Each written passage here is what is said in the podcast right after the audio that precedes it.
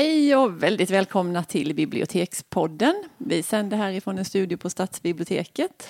Och vi, det är... Vilka är vi? Ja, det kan man undra ibland. Eh, Jeanette Malm.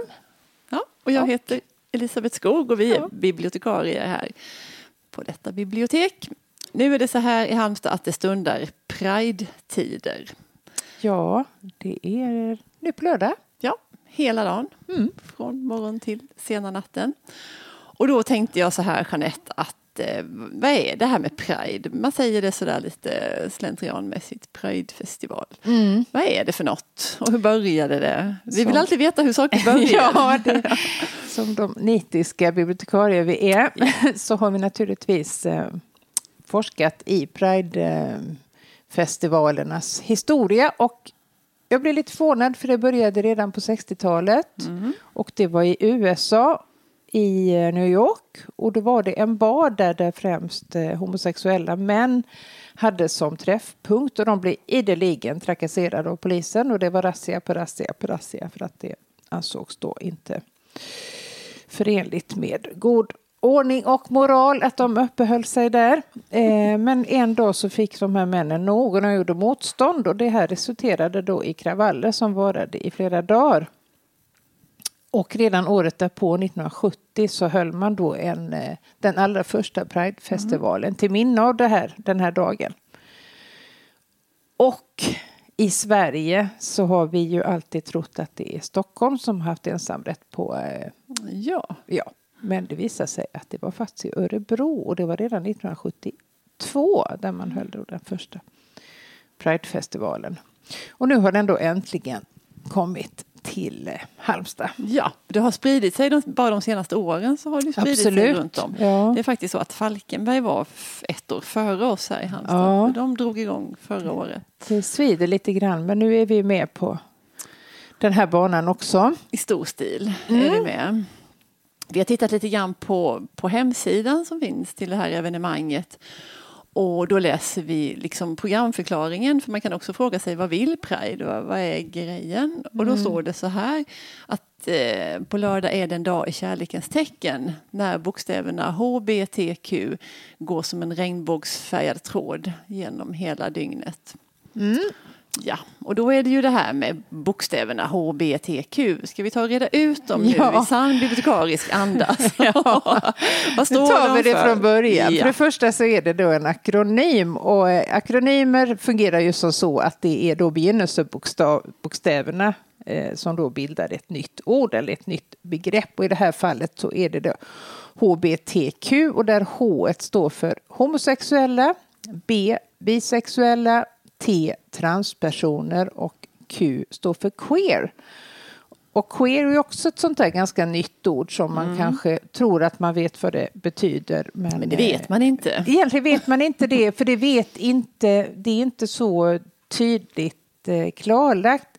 Men kort kan man säga att det är väldigt ifrågasättande av heteronormen som är väldigt dominerande i, i samhället. Sen, sen finns det djupare och vidare definitioner, men det tar vi inte idag. Nej, Nej, det blir ett annat program. Kan det precis. faktiskt bli.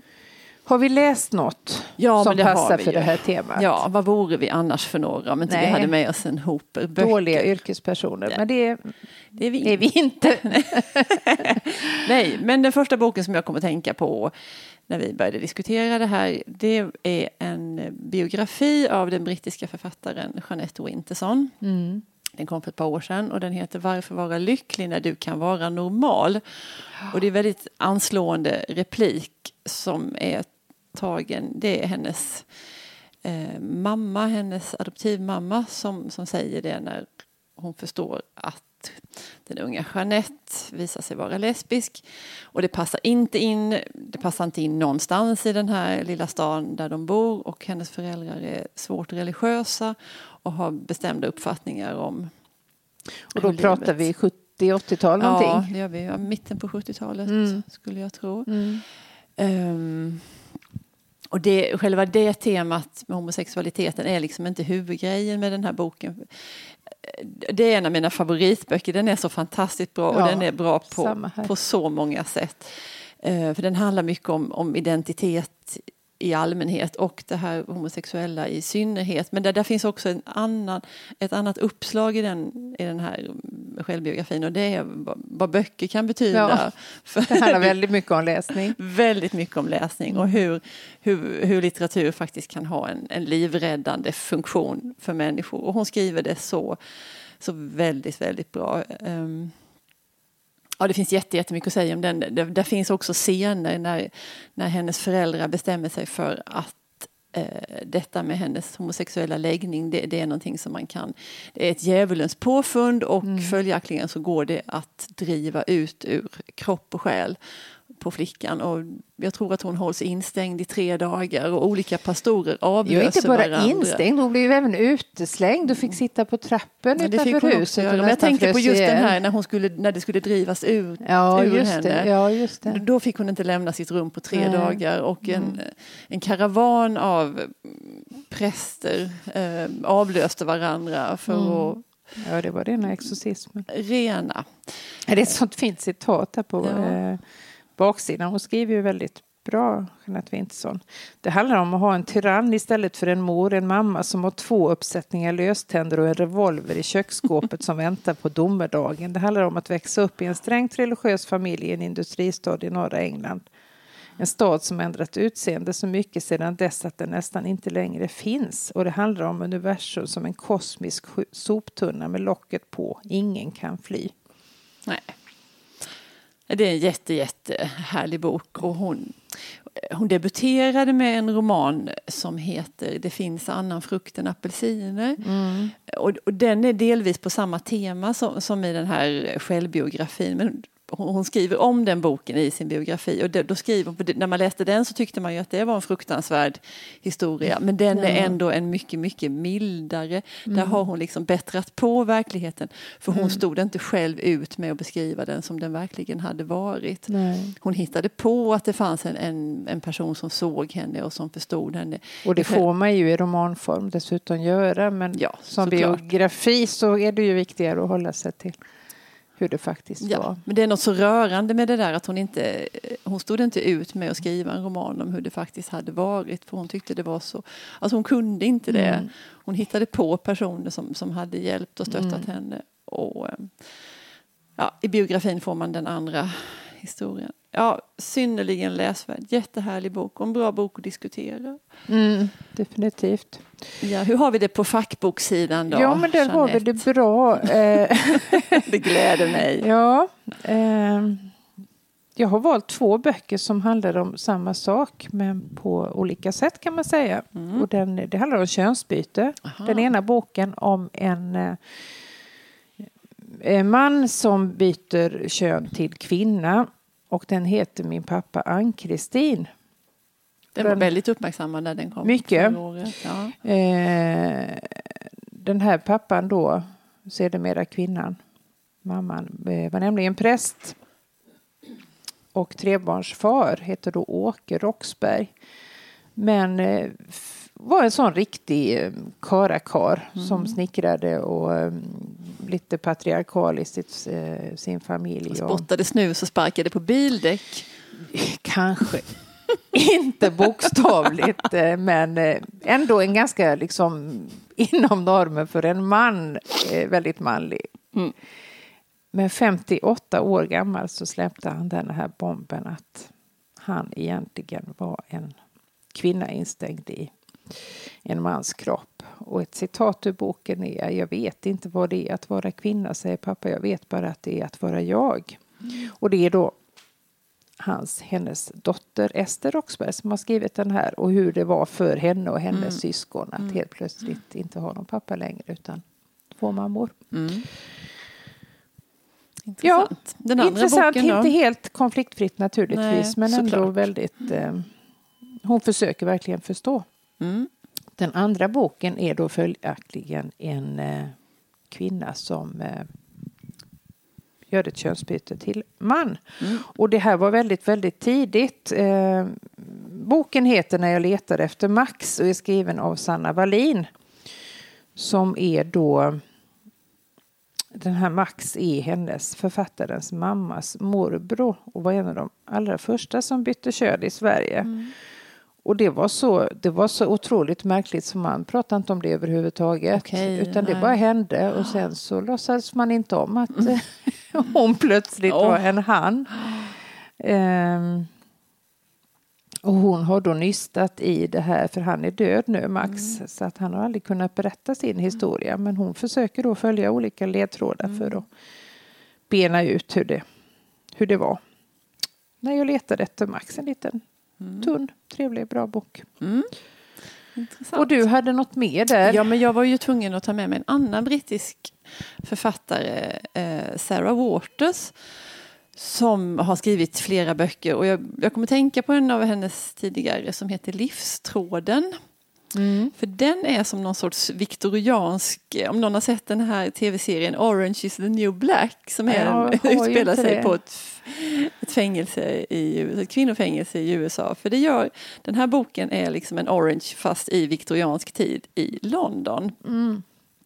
Jag tror att alla Sarah Waters böcker utspelar sig i London och jag, jag brukar inte vara så intresserad av miljöbeskrivningar och sådär. Nej, det- är tråkigt. Tillför sällan någonting. Nej, jag vet. Men, men här tycker jag att, att det faktiskt gör det och att man känner och det, de här historiska böckerna det är det ofta det är lerigt och det är dimmigt och det är mudd och modd och allt vad det heter. Uppblötta skorpor i välling.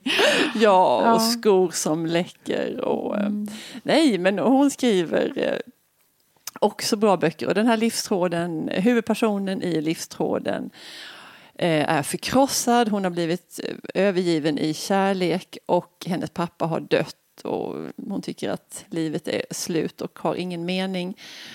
Det är en överklass eh, flicka eller ung kvinna som har det gott ställt och vad ska hon då göra i all sin sorg och oro? Jo, hon ska ägna sig åt välgörenhet. Det är sånt. Man hade inte så många val på den Nej. tiden. Sagt och gjort, så hon beger sig till ett kvinnofängelse där hon ska göra goda gärningar, hälsa på uh, olyckliga människor. Eh, och det, detta gör hon med Var hon besked. förberedd för detta? Inte det minsta. sig? Inte det minsta. Där träffar hon på en kvinna eh, som hon blir god vän med och väldigt attraherad av och väldigt intresserad av och för att inte säga besatt av. Ehm, Selina heter den här kvinnliga internen. Och, ehm, och sen handlar boken om ja, hur går det för dem helt enkelt. Och det är otillåten kärlek och det är bultande känslor och det är väldigt, ska hon bli lurad igen? Ska hon bli sviken en gång till eller ska, hon, ska det bli bra för den här huvudpersonen? Jag säger inget mer om detta men det är en väldigt läsvärd och bra bok. Mm. Ja. Det finns ju väldigt mycket mer på temat men Ja. vi nöjer oss med detta för Ja, men nej, idag. du gör vi inte det? Nej, Vi gör inte det, för nu har jag kommit igång här och då vill jag säga någonting om att har, nu på senare tid har det pratats om en ny film som har gjort succé i Cannesfestivalen och det är en film som heter Carol baserad Jaha. på en bok av Patricia Highsmith. Du vet, Helt missat. Deckar Berätta. Highsmith. Ja, jag håller på. Ja. Eh, Patricia Highsmith deckar Patricia. Vi Men vet. visst är hon död? Ja, Ja. det är hon. Men innan hon dog, och jag tror innan hon... hon- skrev de flesta av sina deckare så skrev hon en roman som heter Carol. Som utspelar sig i New York på 50-talet. Som inte är deckare då? Nej. Det är en relationsroman som det så fyrkantigt heter. Mm. En kärleksroman mellan två kvinnor. Och den utspelar sig då på 50-talet och det är ju en sån intressant tidsperiod vi har varit och nosat där massa gånger för det finns andra väldigt bra böcker som är skrivna under Ja, den tiden. vi gillar den. Vi gillade jättemycket och jag läste den boken för länge sedan och blev himla glad när jag såg att det, här, att det nu är filmad. Och det är Kate Blanchett som spelar Åh. i den ena. Ja, hon har gjort, filmen har gjort succé. Och den kommer till Sverige eh, hösten, vintern någon gång. Ehm, temat är kärlek mellan kvinnor. En ehm, ganska välbeställd gift tvåbarnsmamma eh, blir förälskad i en expedit på ett fint varuhus i New York. Och eh, deras kärlekshistoria är bokens tema. Det är så, och nu måste jag avslöja här hur det går, för det var faktiskt den första romanen med lyckligt slut som handlar om, om kärlek mellan kvinnor. Annars slutade det alltid med att någon tog livet av sig, Ja. eller blev sinnessjuk, eller gick i landsflykt, eller någonting. Eh, här är det faktiskt ett lyckligt slut. Ja, Ja. då ser vi fram emot att för, kanske först läsa boken av Ja. Patricia Highsmith och sen gå på filmen. Sen ska vi se på filmen. Ja, nej men det var det jag ville ha sagt ja, också. Eh, Ja. Vi brukar ju prata om vad vi ska eh, diskutera i kommande program. Och Ja. vi, vi har ju lurats hej vilt. Jag tror inte det har stämt en enda gång och det är inte säkert att det kommer göra det den här gången heller. Vi, vi, vi har väldigt flera gånger, säkert minst tre, sagt Mm. att nu nästa gång, nästa gång ska vi prata om onda barn och vi har aldrig gjort det. Men ambitionen är ja. att vi faktiskt kommer att göra det. Mm. Men vi lovar inget. Nej, det gör vi inte. Men någon gång Någon kommer gång blir Och det det onda kommer barn. att bli ett bra, eh, intressant program. Kan vi nog nästan Absolut. lova. Ja. Eh, men blir det inte det så blir det något annat. Så välkomna åter och Ja. tack för idag. Tack, tack. Hej då. Hej då.